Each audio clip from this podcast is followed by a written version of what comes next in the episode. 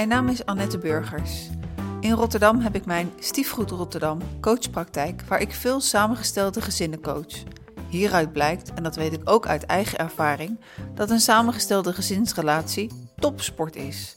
Het is ingewikkeld, uitdagend, slopend, maar ook energiek, prachtig en liefdevol. Op school hebben we nooit les in de liefde gekregen. We leren het gewoon weg door te doen, door te vallen en vaker weer op te staan. Ik ga in mijn podcast op zoek naar de liefde, op zoek naar liefdesverhalen, vol met succesvolle en soms verrassende tips, mooie, maar ook pijnlijke ervaringen en vooral naar inspiratie, motivatie en dat alles met een lach, een traan en vol liefde. Veel luisterplezier. Nou Marianne, welkom in je eigen huis. Fijn, fijn dat ik uh, hier mag zijn. Vandaag is mijn gast Marianne. Marianne is 36 jaar en uh, we zitten gezellig in haar huis. Welkom. Dankjewel, dankjewel. Jij ook. Marianne, wat is, uh, om gelijk met de deur in huis te vallen, wat is jouw relatiesituatie? Um, nou, ik ben al ongeveer twee jaar vrijgezel, denk ik. Twee jaar. En daarvoor? Daarvoor heb ik wel wat relaties gehad. Niet heel lang. En de ene overlapte misschien ook al de ander. Maar um, ja, een aantal vriendjes gehad, inderdaad. Uh, heb je wel eens samen gewoond? Ja. Ja. Twee keer zelfs. Maar niet heel lang. Niet heel lang. Hoe nee. lang dan wel? Um, langs is denk ik een jaar. En een keer drie kwart jaar. En de eerste, dat was toen mijn moeder ziek was. Dus dat was eigenlijk gewoon heel fijn dat ik weg kon gaan, zeg maar.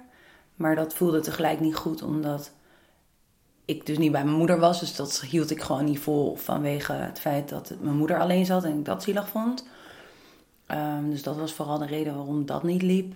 En de andere keer, ja, eigenlijk een beetje hetzelfde. Alleen toen was mijn moeder al overleden. En toen kwam eigenlijk pas echt de klap van het feit dat ze er niet meer was. En toen dacht ik, oh nee, nee, dat wil ik niet. Ik wil in mijn eigen ruimte zijn. En toen ging ook die relatie daardoor kapot, et cetera. Dus toen, maar dat heb ik nog wel een jaar volgehouden. Je zegt nu wel heel erg veel in een heel korte tijd. Ja. Uh, um, je moeder al, alleen uh, en overleden. Mm-hmm. Uh, kan je daar iets meer over vertellen? Ja, um, toen ik 19 was, werd, werd mijn moeder ziek. Ze kreeg een hersentumor en um, ja, zij zegt sindsdien in totaal vier jaar ziek van geweest. In eerste instantie werd ze geopereerd en dachten we dat het allemaal goed zou komen. Maar uh, ja, zij herstelde gewoon niet. Ze ging eigenlijk alleen maar achteruit. En die vier jaar heeft eigenlijk bestaan uit ja, onzekerheid of ze beter werd.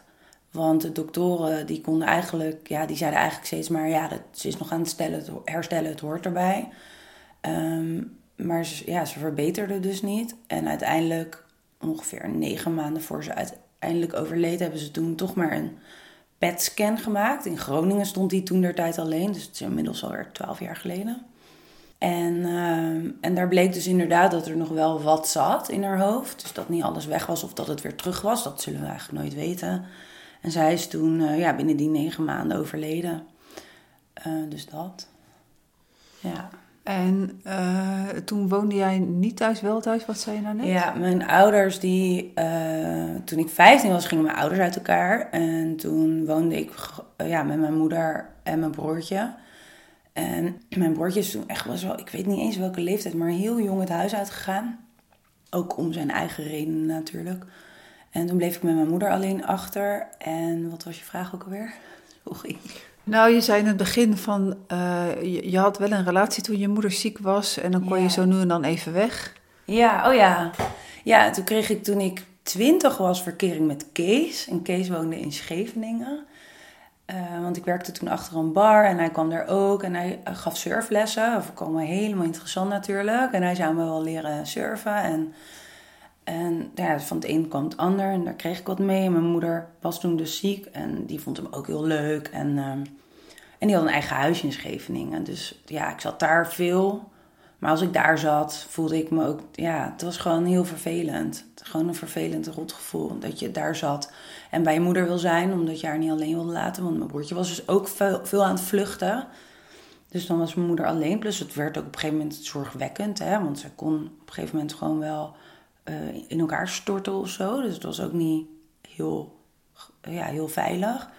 En als ik bij mijn moeder was, dan dacht ik, oh, ik wil hier weg. Want uh, ja, dat was helemaal mijn moeder niet. Dus dat was heel confronterend. Mm. Plus de zorg die je hebt en die wil hebben of moet hebben, zou moeten hebben. Dus, um, maar ja, ik weet niet eens meer hoe, hoe lang ik met Kees ben geweest. Maar en uiteindelijk, van de periode tot mijn ouders scheiding, tot ik denk de laatste relatie, zijn allemaal vluchten geweest. Ik denk, en dat heb ik wel eens besproken, ook met andere vriendinnen, dat, um, dat ik ook nog nooit echt verliefd ben geweest om, weet je, of bij iemand ben geweest om diegene. Maar dat het altijd gewoon of opvulling was, of vluchten, of handdag, of afleiding, zo zeg maar. Maar dan pak ik ze allemaal even heel snel. Mhm. Elke heeft natuurlijk wel iets unieks gehad en iets leuks en anders, maar ja, dus dat. Mm Want je zei ook toen je 15 was, toen gingen je ouders scheiden. En toen je 19, toen werd je moeder ziek. Ja. Um, hoe, ja, dat, dat, is wel gewoon heel erg veel in, uh, in korte tijd. Um, hoe, die scheiding, hoe, hoe, hoe, verliep dat dan?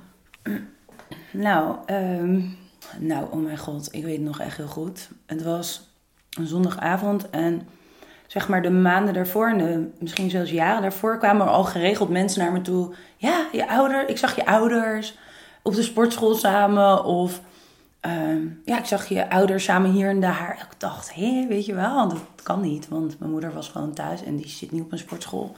Maar verder helemaal niet. Ja, ik was veertien dat, dat, dat die dingen kwamen, dus verder niet heel veel over nagedacht.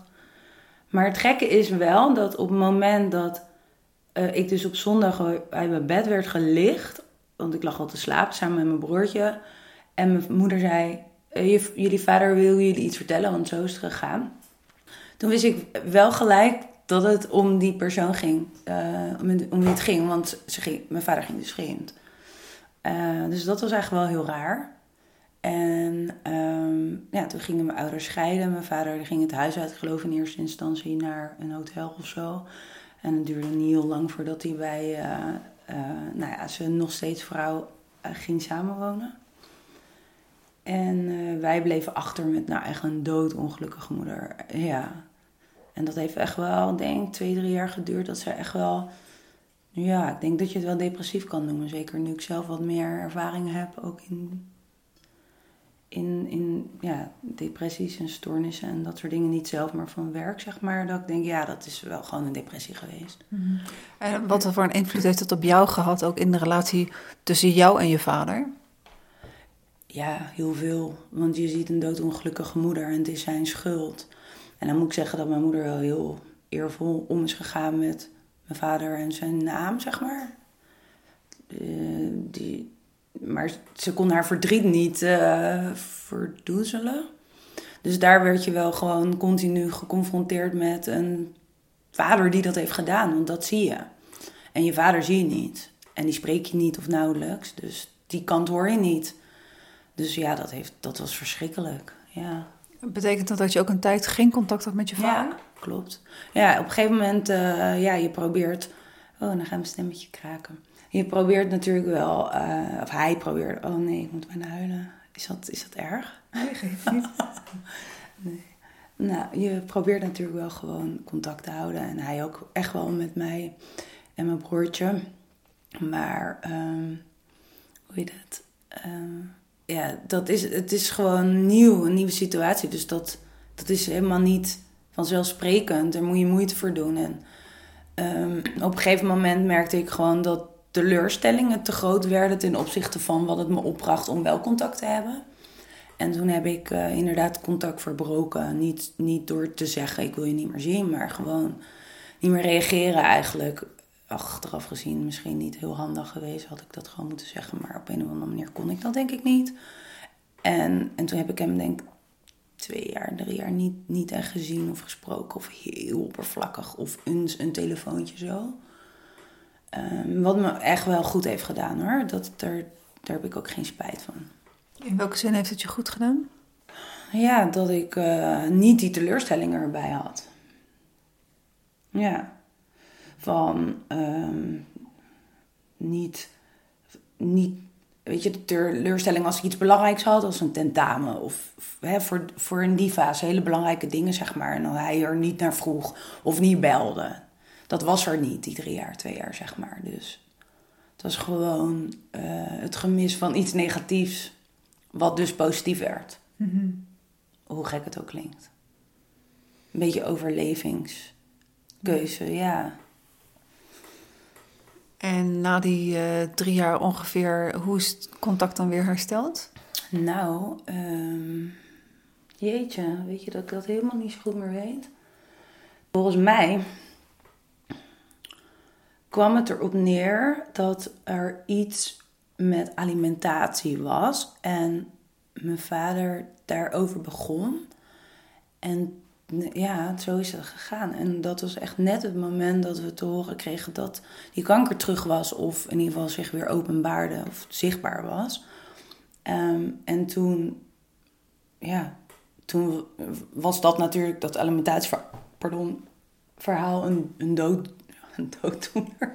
Sorry.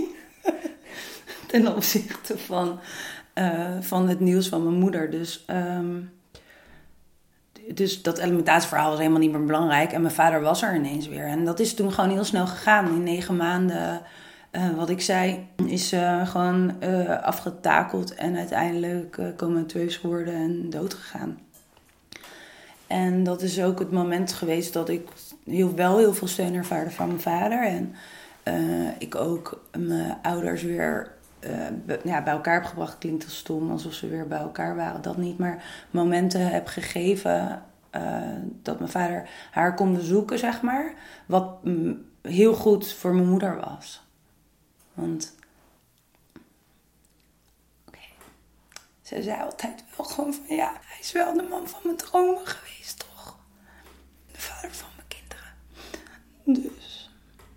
Dus uh, uiteindelijk hebben ze op een goede manier nog uh, van elkaar afscheid genomen. Ja. En uh, is je vader er ook geweest voor je moeder, voor die laatste ja. fase. En is dat daardoor eigenlijk ook weer goed gekomen tussen jullie? Ja. ja. En het gekke is, we hadden toen zeg maar, we wisten gewoon dat het, hè, dat het afliep. En toen dacht ik, oh, hij moet, mijn moeder moet mijn vader gewoon nog zien. Dus ik had dat geregeld eigenlijk wilde mijn familie dat niet, want dat is weer een heel ander verhaal. Maar gewoon altijd wel heel rechtlijnige mensen. En, nou ja, in eerste instantie natuurlijk mijn moeder zorg voorop, wat ik begreep. Maar ik had zo sterk het gevoel van, zij wil hem nog zien. En ik had ook zo sterk het gevoel van, het is nu of nooit. En toen, ik weet nog heel goed, kwam die op maandag. En echt precies een week later raakte ze in. En een week later was ze overleden. Dat is zo bizar aan het. Dus, ja daar ben ik wel dankbaar voor. Mhm, ja, snap ik. En uh, wat kan je herinneren als klein meisje van, uh, van je vader en moeder? Hoe gingen ze met elkaar om? Oh, goede vraag. Jeetje. Um, ja, wel lief eigenlijk. Kijk, wel de, het was wel echt zo'n klassieke rolverdeling. Mijn moeder deed huishouden en had een parttime baan. Uh, rond, eigenlijk als wij op school zaten was zij aan het werk. Maar altijd als we terugkwamen dan was zij er met een kopje thee en een koekje en vragen naar uh, de dag, et cetera. En mijn vader werkte en had zijn eigen dingetjes, sportte veel en uh, ja, deed, deed niet veel in het huishouden. Zo was de rolverdeling gewoon. En naar elkaar waren ze echt wel heel lief. Mijn moeder vond dat ook heerlijk, weet je. Ik heb haar daarin, ja, wat ik me kan herinneren, gewoon wel als een gelukkige huisvrouw gezien, zeg maar. Ja. Dat deed ze echt met alle liefde. En wat heb jij geleerd in je, in je jeugd van, uh, vanuit je gezin? Mm, ja. Um, hoe bedoel je? Van, van hun relatie? Of? Ja, van, meestal als je kind bent, dan krijg je ook uh, ja, boodschappen mee. Uh, sommige die worden heel uh, streberig, die moeten in alles het beste halen. Anderen, ja, iedereen doet dat op zijn eigen manier. Iedereen heeft ook wel soms een overlevingsmechanisme, iets wat je gaat ontwikkelen, wat ergens ontstaan is in je jeugd. Wat heb jij meegenomen vanuit hoe je opgevoed bent? Ehm, ik denk tot mijn vijftiende gewoon wel heel veel warmte en, en gezelligheid. En uh, ja, stomme dingen als muziek stond altijd aan. Uh, muziek was sowieso heel belangrijk. en, en humor, heel veel humor. En niet om per se om dingen weg te lachen, maar wel op een bepaalde manier dingen lekker nuchter te houden. Wat op die, in die situaties ook gewoon hielp en fijn was. Ehm, ja, dat, dat zijn hele fijne, fijne dingen, fijne herinneringen. En gewoon een heel nuchtere moeder gehad, die wel heel veel ruimte gaf in, ehm, in, in, in gevoel en, en, en uiten van dingen. Maar zij was wel van uh, schouders eronder en we gaan weer door, zeg maar. En uh, ja, mijn vader, jeetje, wat heb ik, ja. Ik denk dat.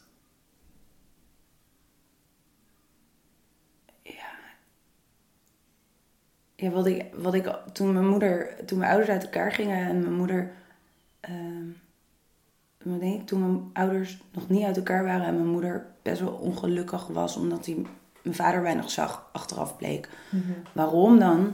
Uh, toen zei ik, weet ik nog heel goed, mam, hè, ik zal nooit zo'n man als jou, als jouw uh, vader, als jij uh, kiezen.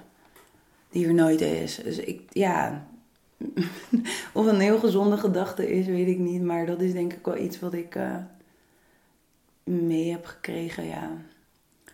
Van heel erg alert op als, als iemand een beetje op mijn vader lijkt, oh, wegwezen, weet je wel.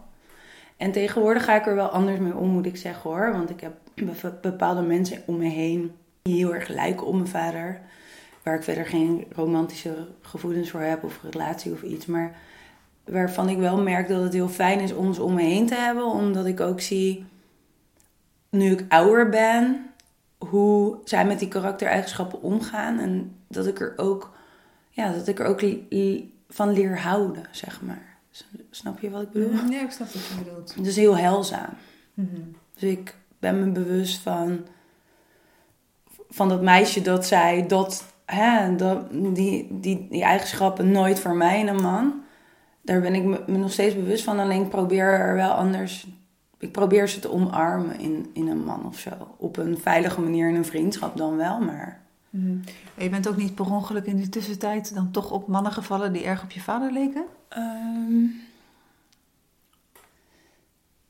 weet je dat dat, dat dat wel meevalt? Nee. Misschien die laatste een beetje. maar verder, uh, nee. Ik denk dat ik daar wel enigszins aan mijn eigen woord heb gehouden.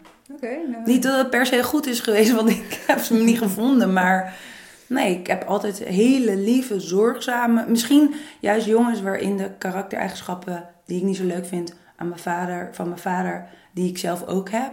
Die juist naar voren kwamen. En dat ik mezelf helemaal niet zo leuk vond. Snap je? Lijkt je meer op je vader dan op je moeder? Eh, nee, dat niet, denk ik. Nee, dat niet. Maar ik heb natuurlijk ook gewoon dingetjes van mijn vader. Mm Wie lijkt je het meest? Oh, mijn moeder, denk ik, ja. In welke zin? Maar goed, dat is lastig om te zeggen, want ik, zie, ik kan er niet nu meemaken. Dus het is gebaseerd op, op wat ik weet. En mijn vader wel kennende, heb ik denk ik bepaald stukje uh, autisme, zeg maar, van mijn vader. Hè? Ik hou wel van regelmatige structuur en het iedereen denkt altijd dat ik heel sociaal ben. En wat ik op zich ook ben. Maar ik ben ook heel erg op mezelf. En het moet een beetje gaan zoals ik wil. En als het iets wat afwijkt, dan, dan moet ik echt schakelen. Dat is dus wat ik ook niet leuk vind. Nou zeg ik niet dat ik alleen negatieve dingen heb van mijn vader. Want ik heb ook leuke dingen van mijn vader. Maar, uh, en van mijn moeder heb ik uh, dat ik denk ik wel heel lief ben en zorgzaam. Ja. Oké. Okay. Hey, en nog eventjes terug naar uh, naar, uh, naar die tijd, uh, je moeder was overleden. Je vader was, uh, was wat dichterbij gekomen. Ehm, Maar hij had natuurlijk die vriendin. Nee, Ja. je zag zeker al waar ik naartoe Ja, ging. natuurlijk. Ja, hoe ging dat? Hoe ging dat tussen jullie? Ik, kan me van alles bij voorstellen en tegelijkertijd niks. In een, in een orkaan van emoties, eh, rollercoaster waar je in terechtkomt als jong meisje en, en je moeder overlijdt. En, eh, en dan is er die vader met, met of de vader, jouw vader met de, de vrouw, die, eh, waardoor je vader weg is gegaan. Hoe Ja. was dat? Ja, het, het- in eerste instantie zie je voelt dat zo, zeker wel. Alleen je wil zo graag eh, je vader gewoon bij je houden. Dat je haar wel moet aanvaarden of zo. Want hij houdt duidelijk van haar. Ik bedoel, hij heeft voor haar gekozen. Hij is nog steeds, nog steeds bij die vrouw. Dus het is ook niet voor niks geweest achteraf. Maar daar komen we misschien nog wel. Maar je weet gewoon dat, hij, eh, dat het een, een, een two-package deal is. Dus, dus je weet, ja, je, je wil ook heel graag toch wel dat zij jou ook aardig vindt of zo. Omdat, dat, omdat je liefde van je vader door haar gaat, zeg maar. Dus ik heb daar altijd wel geprobeerd in te investeren. Alleen de gevoelens, die gingen daar ook dwars doorheen. En hè, zoals ik net al zei, de boosheid naar mijn vader had ik die natuurlijk ook naar haar. En dat ging ook gewoon door. Dus in die fase dat ik eh, afstand van mijn vader neem, nam ik dat natuurlijk ook van haar. Dat, daar had ik wel echt eventjes eh, eh, een pauze voor van nodig. En toen ze weer in mijn leven kwamen, of en ik in hun leven kwam, toen heb ik eh, ja, heel erg geworsteld daarmee. En ehm, ik heb denk ik ook wel soms heel onaardig tegen haar gedaan en zij ook tegen mij. En op een gegeven moment, eh, en ik weet niet eens meer wanneer dat was, maar toen, toen deden we zo onaardig tegen elkaar. Dat toen het, toen het dan een soort van goed leek, maar no- het nooit besproken was. Niks was ooit besproken. En toen kwam er op een gegeven moment een situatie waarin ik zo verdrietig was, want zij deed zo gemeen tegen mij. Dat ik dacht, oh, weet je, ik, ik moet het hierover hebben. Ik zat toen ook trouwens in therapie, dus daarin werd ik wel ondersteund. En toen heb ik eh, met hun samen een gesprek gehad.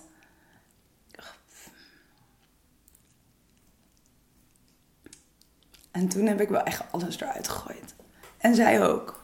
En, en dat was een soort van clean slate. Vanaf dat moment was alles op tafel.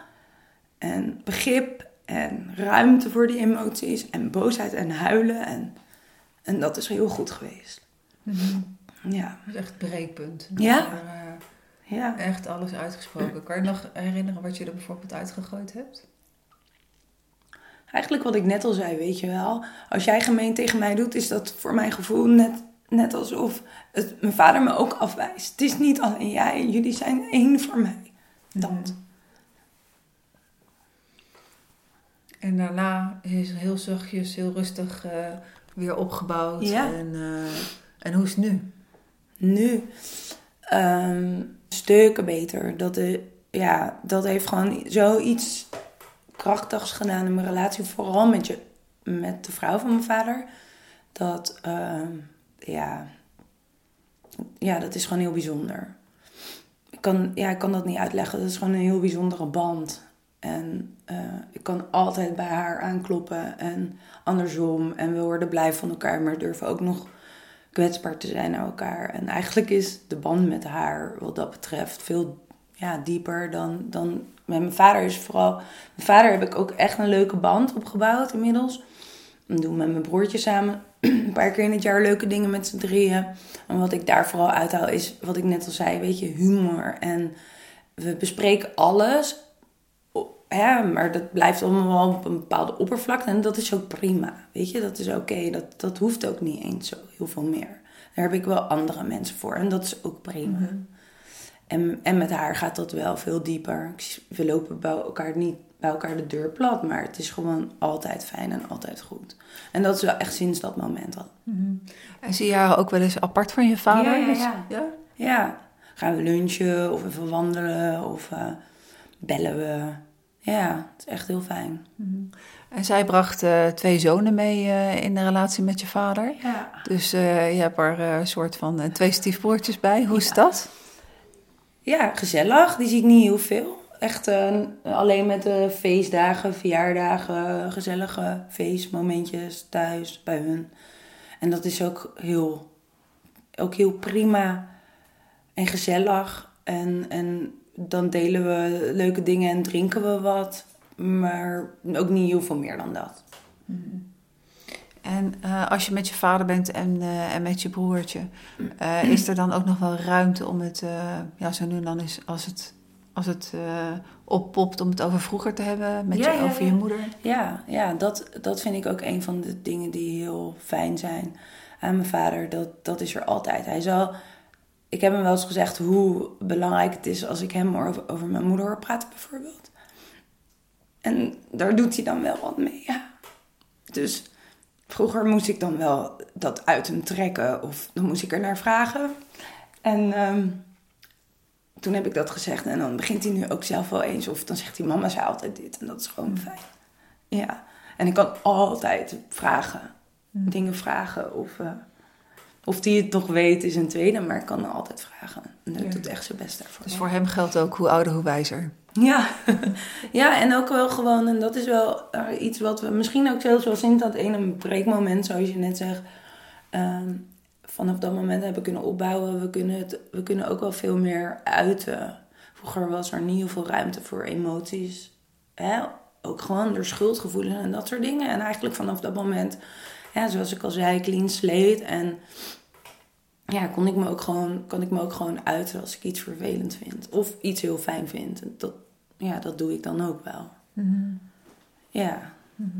En je zei in het begin van het gesprek, zei jij van, eh, nou ja, dat, eh, dat je misschien nog wel nooit echt helemaal heel erg verliefd bent geweest en dat alles vluchten was.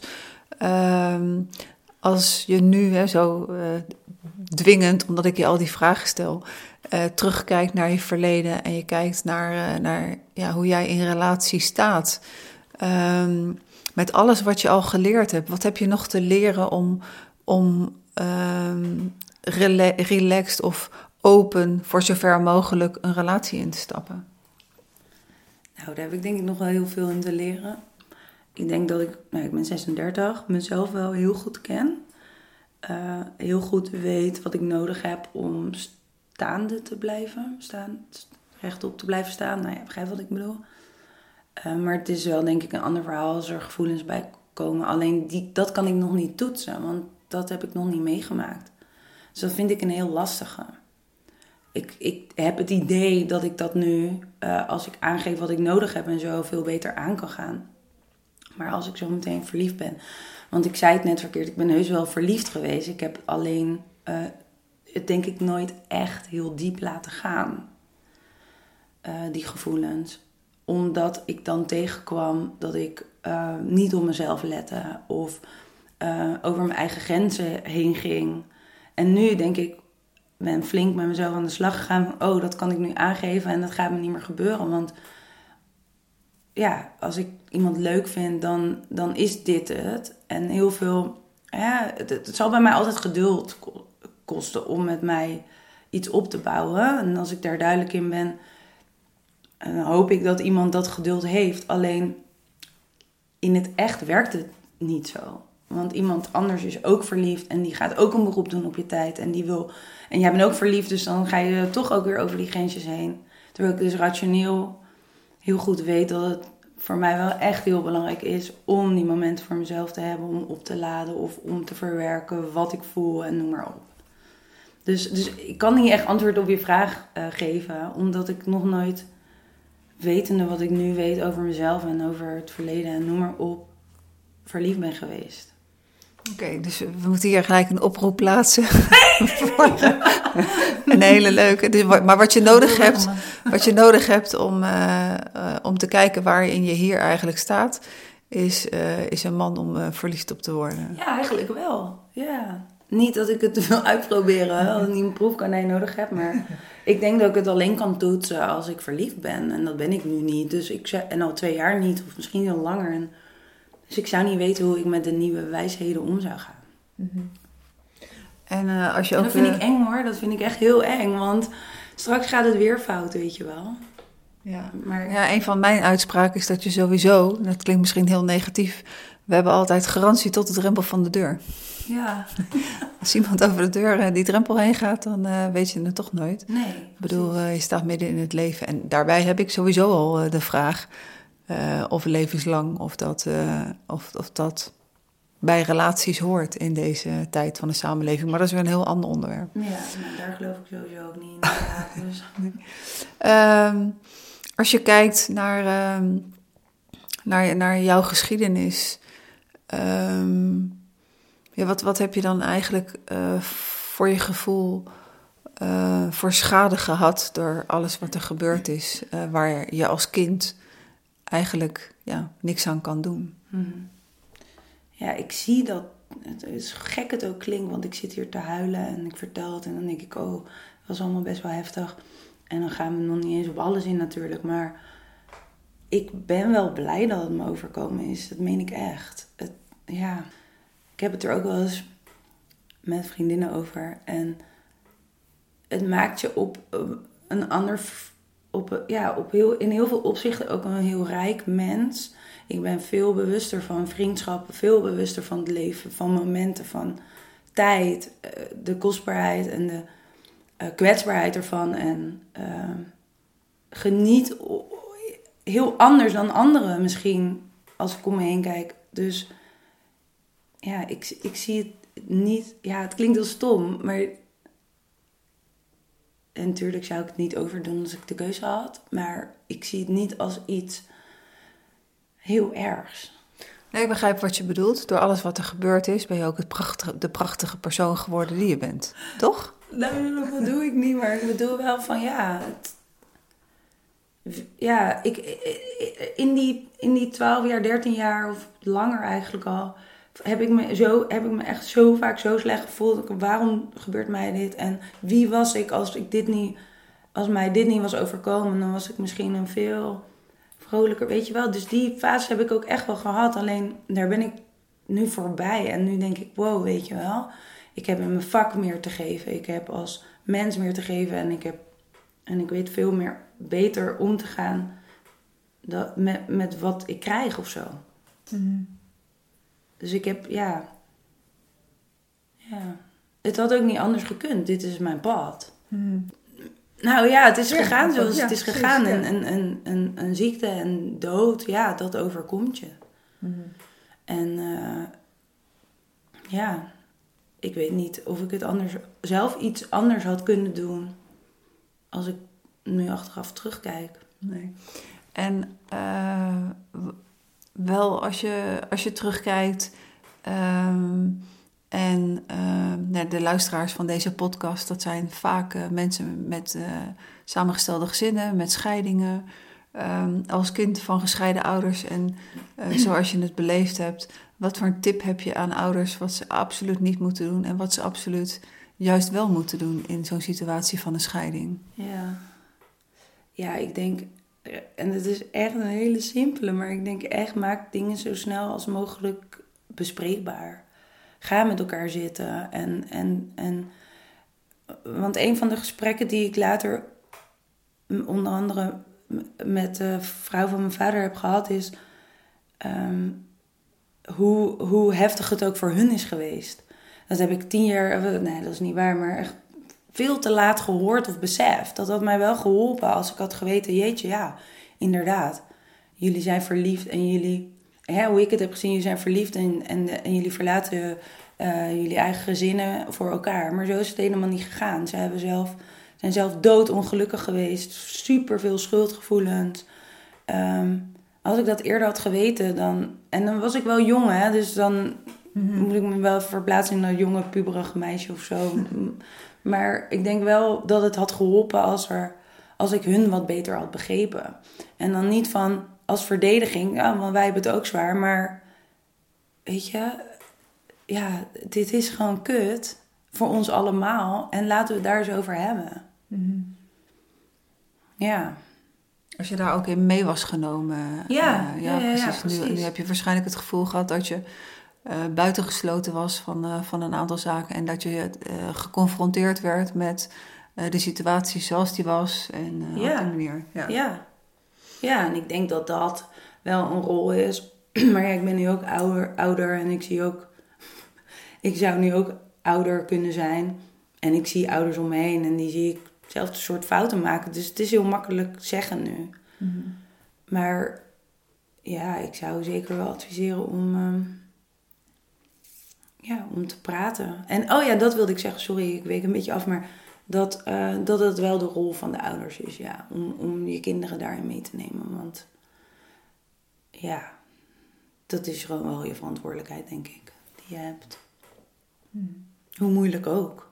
Maar ja, dat is ook de keuze die je maakt als je voor iets anders kiest wat mag.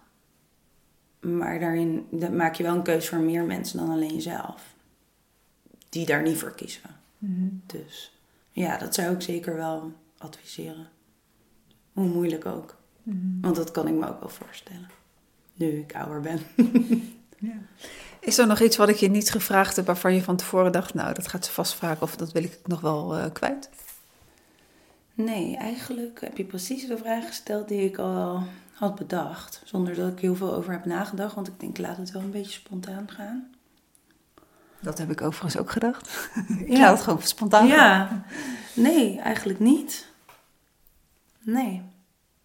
Nee, het is ook gewoon een heel andere tijd nu. Hè? Dus het is ook wel heel lastig om de situatie van mij te plaatsen in een nog veel, ja, veel sneller, eh, snellere wereld. Nog meer verleidingen en nog meer veranderingen, snellere dingen, grenzen vervagen. Dus, dus ja, dan ben ik ineens een oude, een oud wijf eigenlijk. Ja, het is wel echt een andere tijd, denk ik. Nou, dan wil ik je oud wijf eh, super bedanken voor dit gesprek. Ja, ja, ja. Hartstikke bedankt, Marianne. Ja. En eh, voor de luisteraars, eh, bedankt voor het luisteren. En tot over twee weken, dan is er weer een nieuwe Op zoek naar de liefde.